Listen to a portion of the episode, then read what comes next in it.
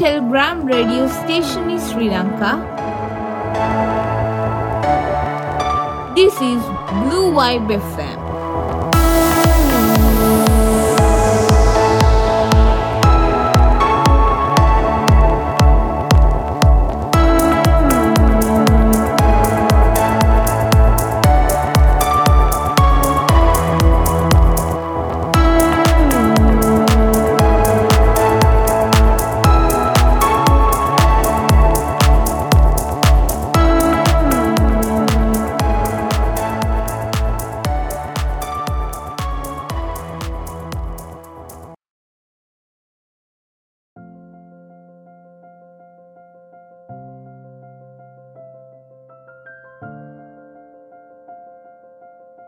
ඔන්න අදත් හරියටම රාත්‍රය නමයයි. ඉතින් මම අදත්තවා මහා ගල්කුළි පවා ඔත්තල කරවන සුළු සුසුම් සැරයකරාවය අරගෙන. බ්ලිවයි පෙෆෙම්ම කතයක එකතු වෙලා ඉන්න ඔයාල හැම කෙනෙක්වම ආදරෙන් මගේ වැඩසටහන පැත්තට පිළිගන්නවා. ඉතිං අප ගිය සතියත් ගොඩක් දේවල් කතා කරා ඔයාලත් එක ආදරේ බෙතා ගත්තා ජීවිතය බෙතා ගත්තා ඉතින් මං මේ සතියත්තාවා ඒ විදිහටම ඔයාලත් එක්ක මේ හැමතේම බෙදාගන්න. ඔයාලගේ දුක්ක සතුට වගේම කලකිරීම් ඊට පස්සේ වේතනාවන් වගේම ඔයාලගේ හිතේ තියෙන හැම්ම දෙයක්ම නිදහස් කරගන්න මට ලියලයවන්න පුළුවන්. මුලින් මේක මතක් කරලෙන්නම් ආරගේ හිතේ තියෙන ඕනම අදහසක් අපිට ලියන්න. සිතවෙලේ දහන ගරුප්පකට එවන්න. ඉතිං එතකොට ඔයාලට ඇහෙන්න. බ්ලිවයිබම් අහංඉන්න හැමෝටම හැන්න මට පුළුවන් ඒව කියවන්න. එතකට ඔයාලගේ සිත්තට සතුටක් වගේම ලොකු නිදහසක් දැනයි කියලා මං විශ්වාස කරනවා. එහෙනම් අද මේ ප්‍රෝග්‍රෑම් එක පටන් ගන්නකටම සිතුවිලි දහන කෙමිදිලා කෙමිදිලා කෙමිදිලා යනකොට මට හරි අපූර්ණ නිසඳසක් හම්බනා මං ඒකෙන්ම අපේ වැඩසටහන ආරම්භ කරනවා කියලා හිතුවා. ගිය සතයේ මම දස්කොන් ප්‍රමිලා ප්‍රේම කුෘතාන්තය කිව්ව නිසා වෙන්න ඇති අපිට ලස්සනම ලස්සන නිසඳසක් එවල තියෙනවා. අපේ ගහල බලමුකෝ.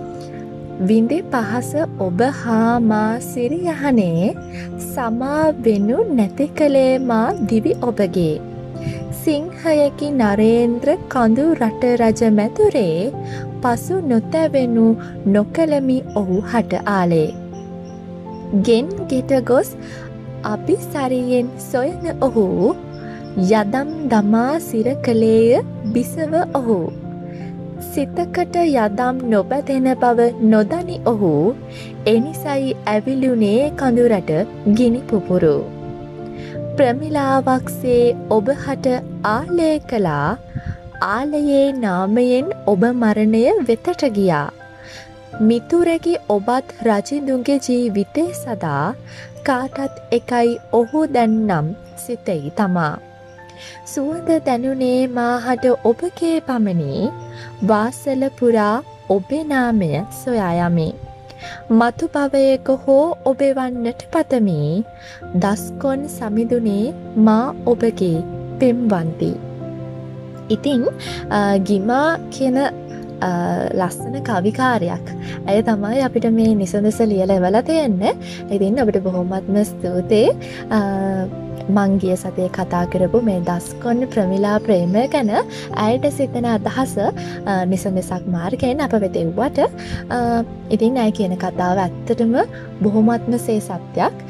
මොකද කියනවනං සිර මැදුරක සිර කළත් මරණ දණ්ඩනය දුන්නත් හිත ඇතිවන ආදරය හිර කරලා දාන්න බැහැ ඉතිං හොඳ මේ යාලුව වනත් රජතුමාගේ හොඳ මෙයාලුව වනත් ඔහු හැමෝටම එකසේ දඩුවම් කළා නමුත් ඔහුේ කරපු දේ හරිත වැරදිද කියලා ඔබ ඔබගේ හිතින් මහල බලන්න මොකද කෙනෙක් තව කෙනෙකුට කරන ආදරේ. ඒක නිරායාසයෙන් නැතිවන ප්‍රේමයක් නම් කවදාවත් ඒක හිර කරලා එහෙමත් නැත්තම් ඔහු ඔවුන්ට දෙනාව ඇත් කරලා වෙන් කරන්න බැහැ. ඒක හදවතය උපදින ප්‍රේමයක් නං ඒක සදහතනික ප්‍රේමයක්. ඔහු මැරුණ කියලවත් අය මැරුණ කියලවත් මේ ප්‍රේමය නවතින්නෙත් නැහැ එක නතර කරන්නත් බැහැ. ඒ ආචරය නතර කරන්න උත්සා කරන එකත් මෝඩකම. ඉතිං මං හිතුවා ලස්සනම් ලස්සන සිින්දුව කාලට දෙන්නන කියලා අපි සිින්දුව හලාය තම්බමකෝ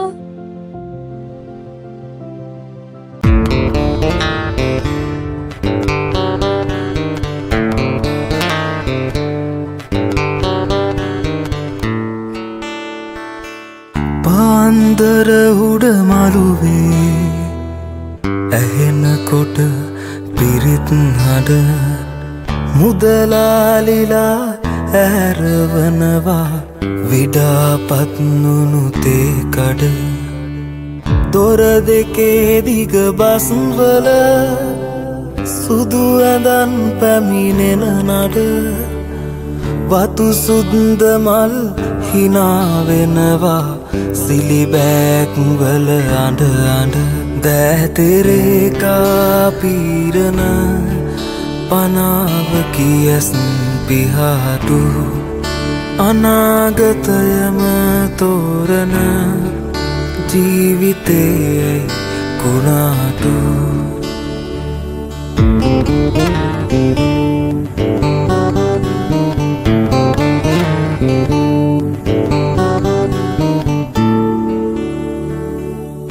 උඹ හිටියේ හරියටම තුම්මං හන්දියක් ළඟ ඉඳගෙන. මොන පාරය යන වද හෝදාය විස්සතිය ගැන ගැන. අහක බලාගෙන වගේ දෙන සිව්මැලි අතක් අරගෙන. හොඳම දේවල් ටිකක් කිව්වා නරක සේරම දැනගෙන. දැතරේකා පීරණ පනාව කියස් පිහාටු. අනාගතයම තෝරන ජීවිතයයි ගුණාටු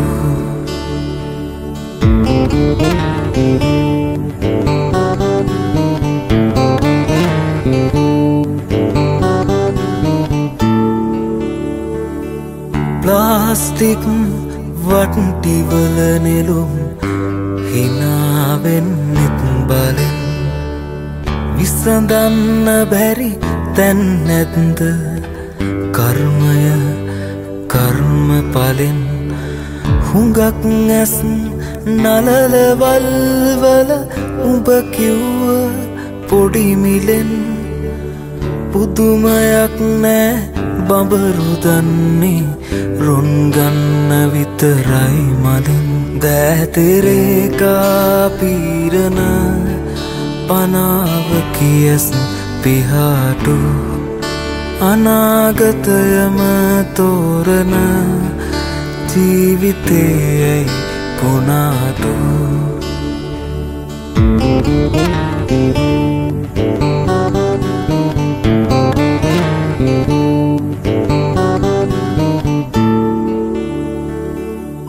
අපේ ජීවිත හැම තැනම පුරවන්න බැරි කොස්තුර.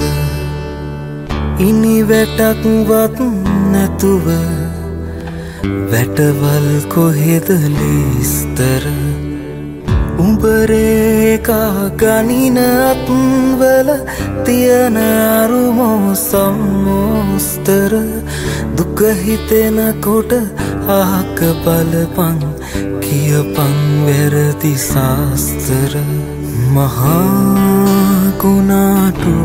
මැද ජීවිතේරෙන රුවලක් ඉසුරුමුණීයත් ඉන්නවා.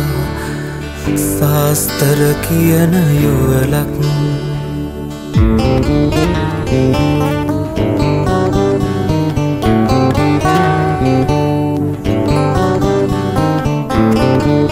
ඉතිං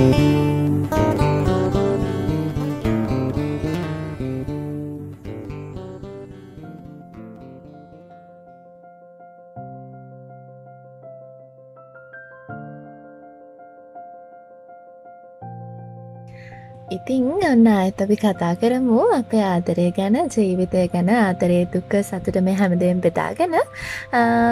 ආදරේ ජීවිතය ගැන බෙදාගෙන ඉතිං අප කතාවට ආයෙත් අවතීරණ වෙමු. ඔන්න ඔහොම ඉන්නකොට සිතුපෙල දහන ගරුප් එකේ ආයසරයක් හෙට මෙහට යනකොට මම තවත් ලස්සන නිසඳසක් දැක්කා මේක නං ලියපු කෙනෙක් නං මට දැනගන්න ලැබුණෙ නැහැ කොහොම වනත් මේක කවුරු ලිව්වත් හ ලස්සන අදහසක් මේක කැප්පෙලා තියෙනවා කියලා මට හිතෙන අන්න එහින්දම මං මේ නිසඳෙස තෝරගත්තා ඕලත් එක්ක ඒ ගැන අදහස් බෙදාගන්න අපි නිසඳෙස ඉස්සල්ල මහල බලමු රාගයෙන් රැකුණු ප්‍රේමයක් නැත. සරාගේම ගැහැනිය පවා කලකදී පිළිකුල් වන්නේ හෙයිනි. රූපයෙන් රැකුණු ප්‍රේමයක් නැත. ලොව සුන්දරම ගැහැනිය සිටියදීත් පිරිමින් පිට යන්නේ හෙයිනි. බොරුවෙන් රැඳෙනු ප්‍රේමයක් නැත. ඒ බොරුව කෙඩි කලකින් එලිවනහෙයිනි. මුදල් දී රඳවාගත හැකි ප්‍රේමයක් නැත. ඒ ප්‍රේමයේ සියුම් තැන් පවා ස්පර්ශ වන්නේ හදවතට නිසාවෙනි. ප්‍රේමය රැඳුනෙත් රැඳෙන්නෙත් ආදරණීය හදවතක් අසල පමණි. ආත්මාර්ථය බැහැරකොට අනෙකාගේ සතුට වෙනුවෙන් සියල්ල කැප කළ තැනක පමණි.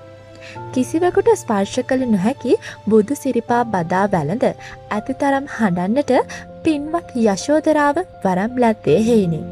සංසාරය පුරාවට ප්‍රේමේ නාමයෙන් බෝසතුන්ගේ සේවනැල්ලසේ පැමිණ ආදරය අරුත් ගැන්නූ නිසාවෙනි. වෙන්න තවත් එක් යශෝදරාවක්. මන් දකිනවා ඔය මුහුණු පොතේ ඒ උඩට පල්ලයට එහෙම යනකොට දැන් යශෝදරාවක් හොයා ගන්න නැහැ දැන් සිද්ධාර්ථයන් හොයා ගන්න නැහැ සිද්ධාර්ථයන් යශෝදරාවන් තුළින් අපි හොයන්නේ ඒ ප්‍රේමය ඒ ප්‍රේමය සිද්ධාර්ථයක වන්නටවත් යශෝතරාවක් වන්නටවත් අවශ්‍ය නැහැ. ප්‍රේමය කියන්නේ තේරුම් ගැනීම. ඉතිං මේ නිසදෙසේ කියන ආකාරයට රාගය නිසා ඒ වගේම රූපය නිසා බොරුව නිසා මුදල් දීලා මේ කිසි දෙයකින් ප්‍රේමය රැඳෙන නැහැ. ප්‍රේමය කියන්නේ එක සත්‍යතාවක්. ඒ වගේම විශ්වාසයක්. ඉතින් ප්‍රේමය රැදෙන්නේ ආදරණීය හදවත් එකතුනහම. විශ්වාසනීය හදවත් එකතුනහම. ඉතින් ඒ හින්දම මේ කිසි දෙයක් මත ප්‍රේමය රඳා පවතින්නේ නැහැ. හන්න එහින්දා අපි හැමෝම යශෝදරාවන්වත් සිද්ධාර්ථයන්වත් හොයන්න ඕනි නැහැ. අපේ අපිට ආදරය කරන අපිට ආදරණීය හදවතක් ඇති ඒ වගේම විශ්වාසවන්ත කෙනෙකු හාගත්තොත් මේ හැමතේම ඔවුන් හැමෝම යශෝදරාවක් එහෙමනත්තම් සිද්ධාර්ථයෙක් වෙන්නට පුළුවන්. ඒ වගේම මතකතියාගන්න යශෝදරා කොච්චර ආදරය කළත් සිද්ධාර්ථ යශෝදරාට කොච්චර ආදරය කළත් සිද්ධාර්ථ ගීගේ රැඳේ සිටුනේ සිටියේ නැහැ. නමුත් යශෝදරාගේ ආදරය ඔඩු නොදැනුනා නෙමෙයි.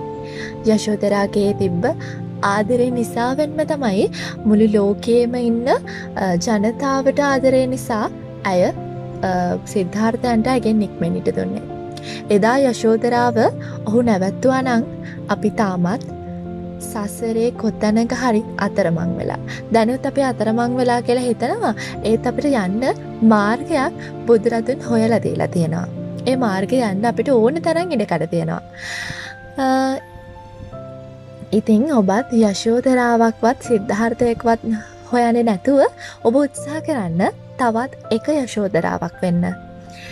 මොකද ඔබ යශෝදරාවක් වුණොත් ඔබට සිද්ධාර්ථය අනිපාරෙන්ම ලැබෙයි. ඔබ සිද්ධාර්ථයකනොත් ඔබට යශෝදරාවක් අනිපාරෙන්ම ලැබෙයි. අන්න එහින්දා ඔබ සියලු දෙනාම ඒ ආදරයට ආදරය කරන ආදරණීය හදවතක් ඇති විශ්වාසවන්ත ආදරයක් ඇති කෙනෙක් වෙන්න උත්සාහ කරන්න. ඒක තමයි මගේ සුසුම් සරයෙන් දෙන ඔබට ලංවෙලා කියන්න කැමති අපූරු පනිවිඩේ. ඔන්න එහෙනං අපි තවත් ගීතයක් එක්ක එකතුවමු ගොඩක් වෙලා කතා කරපු හින්දා ඕලට කන්ද කතරිදන වැදන මගේ කටහඬහගෙනදල ඉතින් ලස්සන මියුරු ගීතයකින් අපි අනතරව නැවතත් අපි කතා බහට එකතුවම ආදරයෙන් ආරාධනා කරනවා තිකට මතක රැඳ එන්න කියලා.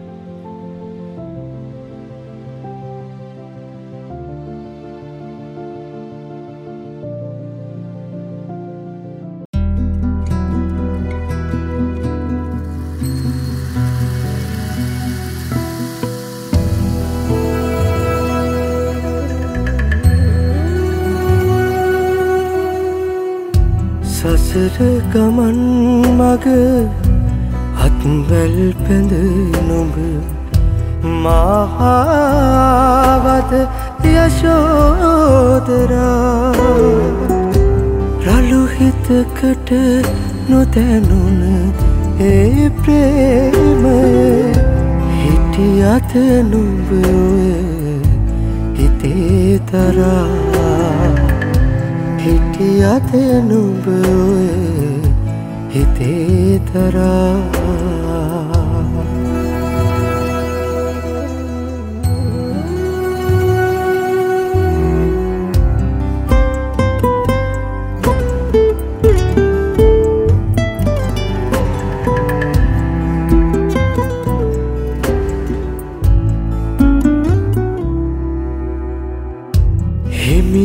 අහිමියුන මගේම සිනේහස කඳුළු ඉපැතුවද රැයක් පුරා බිඳුණු පෙමක සිහිවටන අතර මැද නිතිවැරුවත නොබ යශෝතරා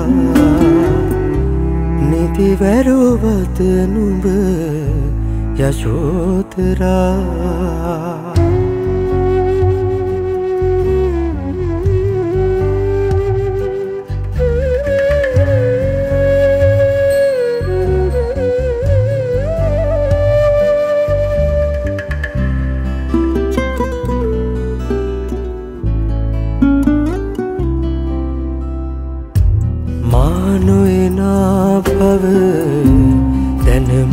බල බල දෙනුවන් දෙමුණද ලොවට හොරා නුඹටත් නොකියම නික්මුණුදාසිට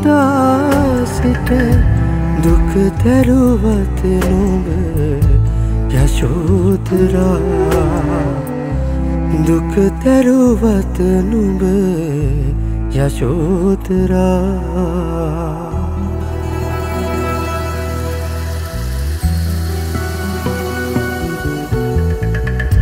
සසර ගමන් මග අත්වැල් පැඳ නොබ මහාවද යශෝදරා.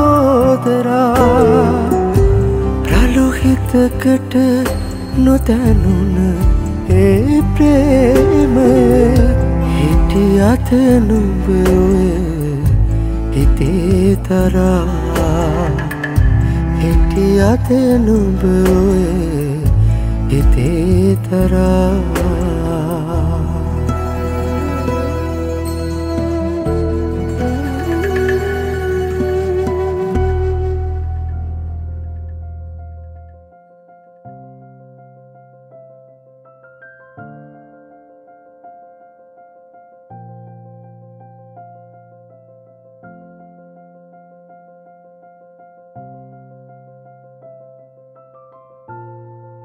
ලස්සන සින්දුවකට පස්සේ ආයත්තාවම මොයාලව හොයාගෙන ඉතිං සිතුවෙලි තැහැන තුළින් තවත් ලස්සනම ලස්සන නිස දෙසක් මට හම්බුණ මේකත් ලිව්ව කවුද කියනම් මම දන්නේ නැහැ. හැබැයි නිල්පාට හදවතක් ඇති කෙනෙක් තමයි මේකට කියල තියෙන්නේ කියලා යටින් අන්තිමට නිල්පාට හාට් එකක් දාලා තියෙන කවු දන්න මේ නිල්පාට හදවතක හිමිකාරයා? හෝ හිමිකාරිය? කවුරනත් හරි ලස්සන නිස නිසා නුඹ හොයන වැති පපුුව රිදන වැති කඳුළු රූටන වැති අද උඹ දුකින් ඔවුමන් දන්නවා මහත්තයෝ. හැබැයි නොගැලපීම් ගලපගන්න ගිහින් වේදනාවෙන් මෙහෙම මිරිකෙනවට වඩා අත්හැරීම අවැසි තැන අත්හරිමු. නිදහස විය යුතු තැන නිදහස්වෙමු එදාට උඹට දැනේවි අපි දෙන්නම සතුටින්. ඒ ගැන ඔයාලට මොකද හිතෙන්නේ? ඔයාලට හිතන දේවල ලබන සතියේ මං එන්නකොට සිතවිලි දහනට අලුත් නිස දෙසකින් ලේල තියන්නක මට හිතන වෙදහට නොගැලපීම් ගලප ගන්නවට වඩා ආත්හැරීම සුදුසුයි. ඇය හෝ ඔහු කියපු ආකාරයටම නොගැලපීම් ගලපන්න ගිහින් ජීවිතය වරත්තගත්ත මිනිස්සු ඕන තරන් අපිට දකින්න අහන්න ඉන්නවා. ඉතිං එහෙම ජීවිතය වරත්ත කන්නවට වඩා නොගැලපීම් ගලපන්න ඇතුව අපිට ගැලපෙන කෙනෙක් හොයාගත්තනක් හොඳයි. හැබැයි සමහරු හිතන්න පුළුවන් අපිට ගැලපෙන මිනිස්සු කොහෙවත් නෑ අපි ගලපගෙන ජීවත් වෙන්න පුරුදු වෙන්න ඕනි කියලා. ඔවු ඒක සමහර වෙලාවට ඇත්ත වෙන්න පුළුවන්. හැබැයි නොගලපෙන සමහර දේවල් තියෙනවා අපිට කවදාවත් ඒව ගලප ගන්න බැහැ. ඉතින් එහෙම කෙනෙක්ව හොයාගෙන ජීවිතේම දුක්විඳනවට වඩා ජීවිතේම කඳුළු සලසල ජීවත් වෙනවට වඩා මංහිතන්නේ ඒ කෙනාව අතාරෙන්නේ දැන් මෙහෙම හිතන්න පුළුවන් ඔබ ඒ කෙනාව අත්තෑරලා තව කෙනෙක්ව ලංකරගන්න එක මංකරන මහා පවකාරකමක් කියලා හැබැයි ඔබ දෙදෙනාම එතනදි සතුට වෙනවා. ඔහු හෝ ඇය කොතරම් කඳුළු සැලුවත් කොතරම් සිත්වේදනාවෙන් හිටියත් ඔවුන්ටත් එතනදි දැනෙයි ඔබ ඔහු අත්‍යාරපු තැනති දැනෙයි මේ බැඳීම් තුළ හිරවෙලා හිටියට වඩා තමන් කැමති තමන් තමන්ට ගැලපෙන කෙනෙක් හොයාගත්තනං කොච්චර ලස්සනට ජීවත් වෙන්න පුළන්දි කියලා. අන්න ඒ විදිහට ඉතින් නොගැලපීම් ගලපගන්න පුළුවන් අය නොගැලපීම් ගල්පගෙන ජීවත්වනට කමක් නෑ හැබැයි සමහර නොගැලපීම් තියෙනවා ජීවිතයට ගලපගන්න බැරි. ඒ දේවල් ගලප ගලප කාලය නාස්ති කරනවට වඩා තමන්ට ගැලපෙනවා කියලා හිතන කෙනෙක් එක්ක ජීවිතය බෙදාගත්තහම සත්තුට කියන දේ පිරේ ඉතිරීයාවී. හැමදාම කඳුළු සැලසල දුකින් ඉන්න බැහැනනේ දෙතකොට අපිට ජීවිතය එපාවෙන එක විතරයි වෙන්නේ. ජීවිතය කලකිරණ එක විතරයි වෙන්නේ. අන්න ඒ හින්දා මංනං හිතන්නේ මේ නිසඳෙස ලියපු කෙනා කවුරුනත් මං යාගේ අදහසට එකඟ වෙනවා ඉතිං ඔයාලත් ඒ අදහසට එකඟ වෙනවද නැත්ති කියන එක වලගේ හිතෙන්න හල බලන්න ඕනම කෙනෙක් කොච්චර හිතුවත් නෑ අපි මේ නොගලපීම් ගලපගෙන ජීවත්වනවා කියලා ටික කාලයක් යනකොට හිතෙනවා අප රාධ මං මේ තීරණය ගත්ත කියලා. අන්න එහෙම පසු තැවීමක් ඇතිකරගන්න නැති විදිහට ජීවිතය ඉස්සරහට ගෙවන්න ජීවිතය ගැලපෙන කෙනෙක් එක්ක ජීවිත ඉස්සරහට අරගෙන යන්න ඔලට ආරාධනා කරනවා. එතකොට විරහ වේදනාව කියන දේ ඔයාට නොදැනෙන්න පුළ විරහ වේදනාව විතරක් නෙමේ කිසිදු වේදනාවක් නොදැනෙනවා කියනකන මේ මම කියන්නේ. හැබැයි ඒ නොගැලපීම් තුළින් ඇතිවන වේදනාවන් නැති වෙලා සතුට කියන දේ ඊට වඩා චුට්ටක් හරි වැඩි වෙන්න පුළුවන්. ඉතිං නිසදෙස් නම් ගොඩාක් තියෙනවා.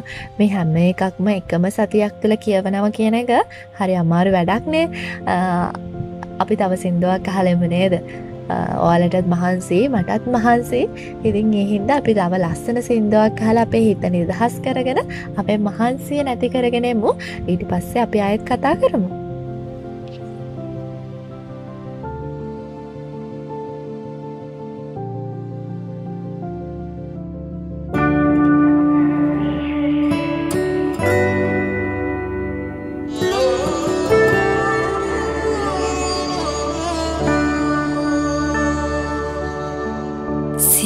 හිත හිම මත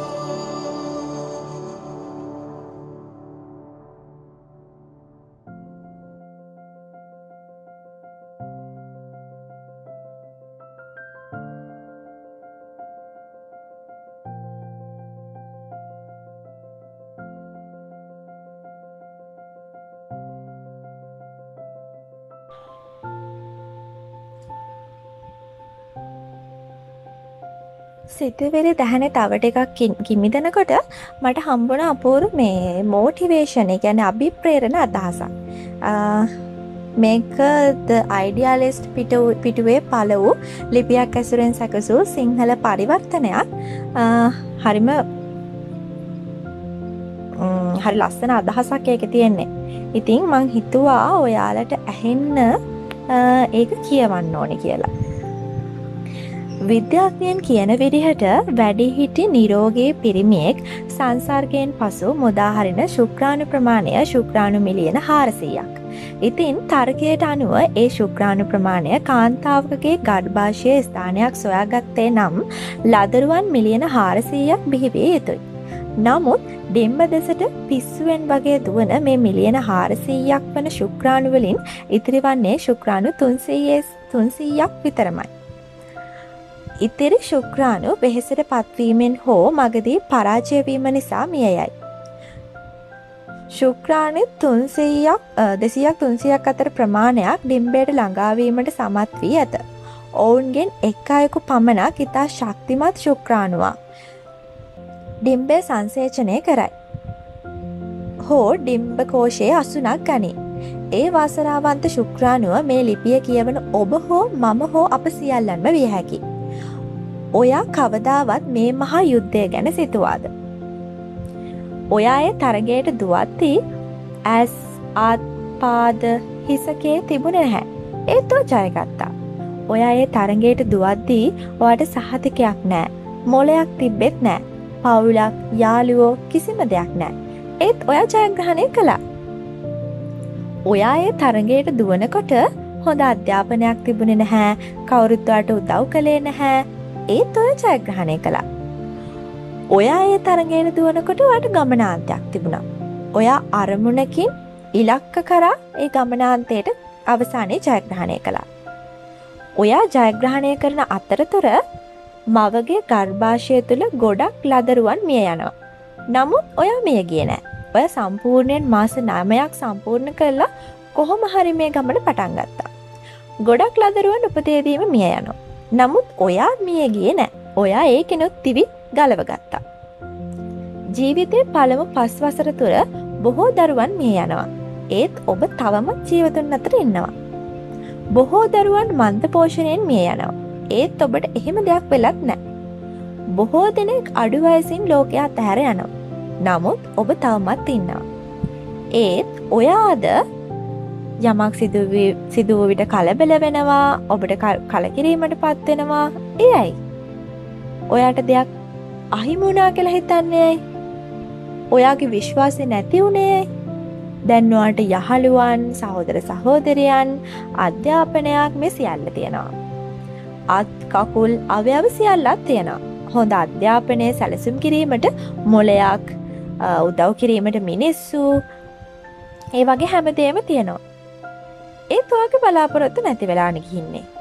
ඔය ජීවිතේ පළමු දවසේ අත්නොහැර අල්ලගෙන ඉදී ශුක්‍රාණු මිලියන හාරසීයක් සමඟ මරණයට සටන් කරද්දි.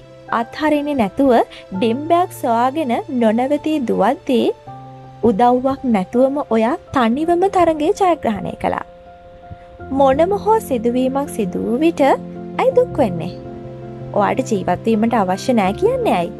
ඇයිෝ කලකිරෙන්නේ ඔයාට සමහර දේවල් අහිමි වෙනව කියලා හිතල දුක් වෙන්න ඇයි ඔයා. ඔබ මුලින් දෙනවා අවසානයේ ජයගනීවි. ඔයා උපතින්ම ජයග්‍රහගේ ඒ නිසා කවදාවත් අතාරන්න එපා. හරි ලස්සන කතාවක් නේද මේක. ඇත්තටම ඔයා තනියෙන් ඒ තරන්දුරාවනං ඇයි මේ පොඩි දෙයක් හින්දා පොඩි අහිමිවීමක් හින්දා ඕගේ ජීවිතය අහිමි කරගන්න. ඒ වගේම ගොඩක් අමාරුවෙන්වා උස්මහත් කරපුවාගේ අම්ම තාත්තා මේ දෙන්නගේ සතුට ගැන හිතන්නතුව ඇයිෝ වෙන කෙනගේ සතුටක් ගැන හිතලා තමන්ගේ ජීවිතය නැති කරගන්නේ. ඒ කවුරුත් මෝනි නැහැ. අප හිතමු ඔයා ඔයා මෙච්චරදුර තනියෙන් ඇවිල්ලා දැන් ඔයාට සාමාන්‍ය ලොකු වයසක්නේ මේක හන හැමෝම මංහිතන්න අඩුම අවුරුදු පහලව සම්පූර්ණ කරලා ඇති. එහෙම නේද? ඉතිං ඇයි ඔයා අවුරුදු පහලවක් මෙච්චර අමාරුවෙන් දුර ගමනක් ඇවිල්ලා ඔට මෙච්චර දේවල් දැන් තිබිලත් ඇයිවා ජීවිතය අතාරෙන් උත්සා කරන්නේ ඒක හරි මෝඩකමක්නේ මේ දේ හිතල බලනකොට ඔයත් මේ දේ හිතල බලන්න එතකොට ඔයාට ඔයාගේ වටිනාකම තේරෙයි. මිනිස්සු ජීවිත නැති කරගන්නේ මිනිස්සු ජීවිතවලින් පැනලයන්නේ තමන්ගේ වටිනාකම තමන්ට නොදැනුණු විට. කවදාවත් එහෙම කරන්න පාමොකද වාගේ ජීවිතය වටින් නැති මිනිස්සු ඇති හැබැයි වාගේ ජීවිතය ඔයාට ගොඩාක් වටින්න ඕනේ. එතකොට ජීවිතය දිනන්න ලැසි. ඔයා ජයග්‍රහණය කරලා ඉවරයි. ඔයාට තියෙන්නේ මෙතනින් එහාට ඔයාගේ සතුට වෙනුවෙන් ජයග්‍රහණයට යන්න.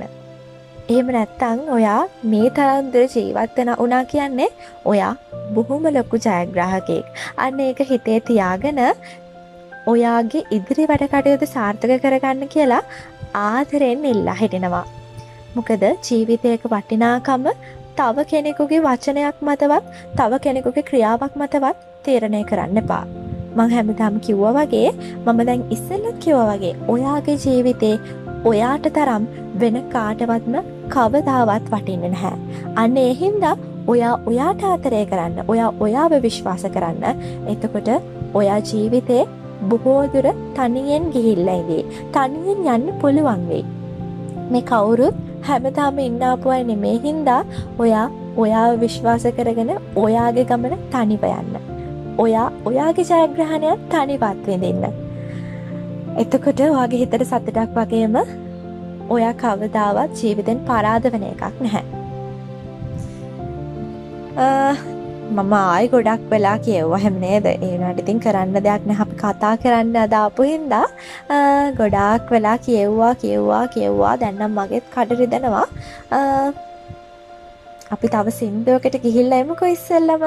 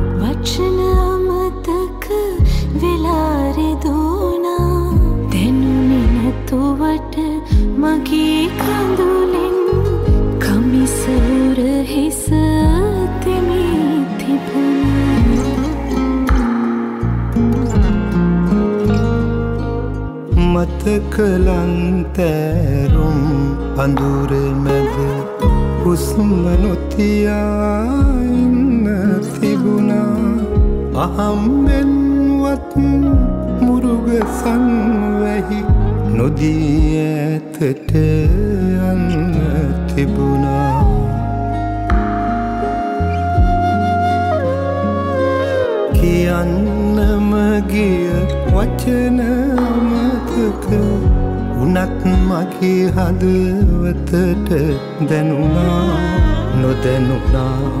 වාගේම නට සුදු කමිස උරහිසට රිදුනා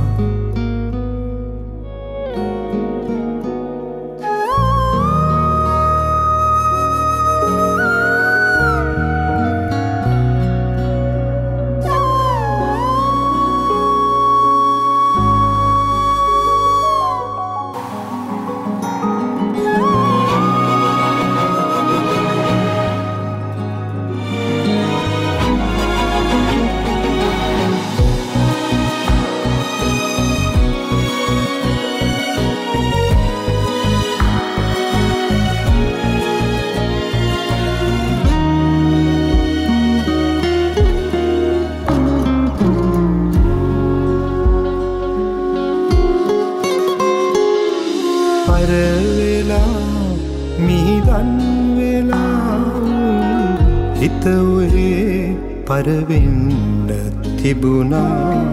නිල්පාට කටරොල්ලු මලක නිල පිපුුණු හිතකට දෙන්න තිබුණා.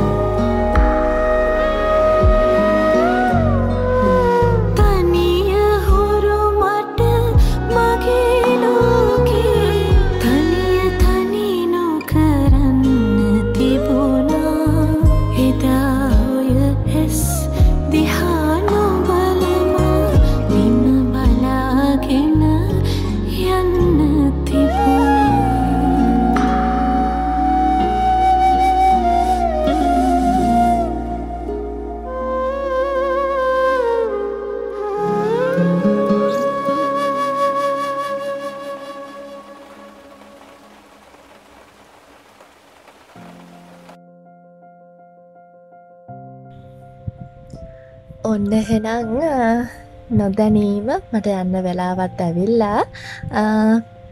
ඉතිං ඔයාල හැමෝටම බොහොමත් ස්තුතියතකට මාතක රැඳී සිටියට වගේම මේ සතිය ඕල හැම කෙනෙක්ටම සුබම සුභ සතියක් වන්න කියලා ප්‍රාර්ථනා කරනවා. දෙයක් මතක් කරන්න ඕනේ. කොරනාවදුරින් ආච්චරයක් ලංකාව මෙන්ම ලෝකෙ බොහෝ රටවල් බොහොම ලෙස පීඩාවෙදෙනවා ඉතින් ආරක්ෂාව තම තමන්ගේ ආරක්ෂාව තම තමන් බලාගන්න. ආරක්ෂාව ගැන බොහොමත්ම වගකීමෙන් කටයුතු කරන්න කියලා ආදරෙන් ඔයාල හැමෝගෙන්ම ඉල්ලනවා. මොකද කියනවනං මේ උවදුරින් අපි වැලකෙන්න ඕනේ. ඒකට අපි අපි ආරක්ෂා කරගන්න ඕනේ. ලංකාව කියන රට උතුම් රටක්. ඉතින් එහින්ද ත්‍රිවිධරත්නය ආශිර්වාදයෙන් ඔවල සියලු දෙනාටම ලංකාවාසී ලෝකවාසය සියලු දෙනාටම නිදුක් නිරෝගීව ඉන්න පුළුවන් වෙන්න කියලා ප්‍රාර්ථනා කරනවා. ඉතිං සුසුම් සරත් එක්ක ලබන සතිය අනිවාරෙන්ම මම එනවා. යන්න කලින් පුංචි මතක් කිරීමක් කරන්න ඕනේ. සිතුවිලි දහන ගරුප්පයට ඔයාලගේ අදහස් නිර්මාණ මේ හැම එකක් මේ වන්න එතකොට මට පුළුවන් ඒවා ඔයාලට හැන්න කියවන්න. මේ මුළු හැම අහගෙනන්න හැමෝටම හැන්න කියවන්න. සොඳුර ඉතින් මං ගිහින් එන්නම්. මොහොතකට ලබන සතියත් රෑ ඔයාලත් එක්ක තනිවන්නා එන්නම් කියල බලාපොරත් කියමින්. ඒ බලාපොරොත්තුව හිතේ රඳවල තියාගන්න. මාත් ඒ බලාපොරොත්තුවෙන් අදට මංවාලගෙන් සමුගන්නං සුසුමක දුරයිඳං මේ සුසුම් සරයට ලංවලා අහන් ඉන්න අහන් හිටපු මේ හැම කෙනෙක්ටම බොහොම ස්තුතියි. ඒ වගේම ලබන සතියෙත් හරිටම රෑල් නමයට අඟහරු අදරෑ නමයට අමතක නොකර මාවහන්න එන්න ඒ ආරාධනයක් එක්ක. ඔන්න ඉතින් මංගිහින් එන්නම් බ්ලිවයි බෙෆෙම එකත් එක දිගටම එකතු වෙලා ඉන්න. සුසුම් සරාරගෙනාපු මම කුෂී.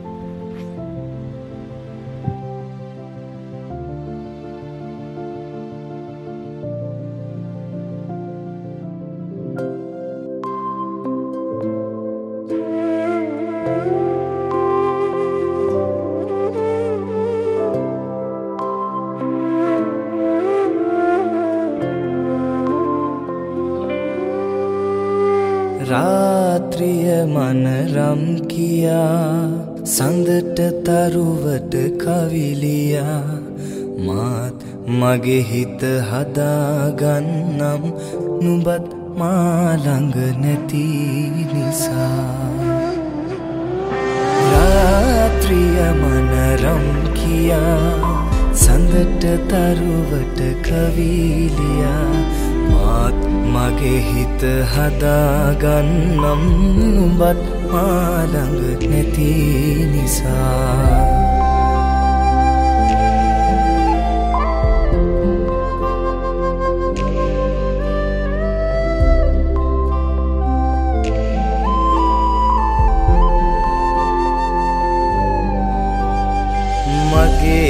කවියක පද ගයා දැස් දෙකොනේ තෙතතියා නුඹත් රෑනිදිවරාගෙන ඇති මාත් නුඹළඟ නැති නිසා.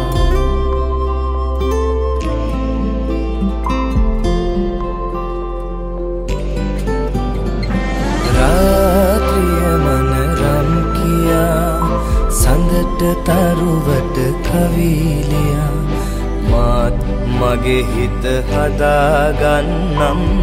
බත් මාළඟ නැති නිසා.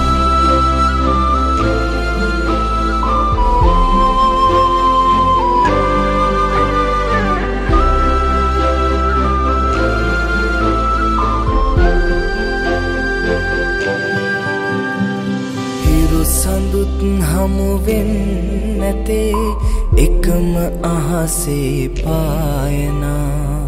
ඉතින් දුක් වෙන්නේ කිමද? අපි දිනක් එයි අප හමුවනා.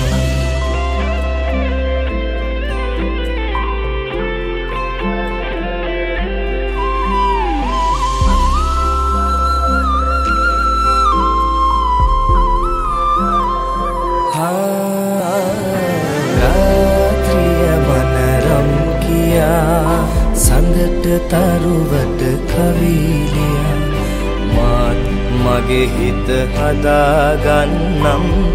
බත් මාළඟ නැති නිසා. රාත්‍රිය මනරම් කියා. සඳට තරුවට කවීලියා මගේ හිත හදාගන්නම්. බත් මාළඟ නැති නිසා. මගේ හිත හදාගන්නම්.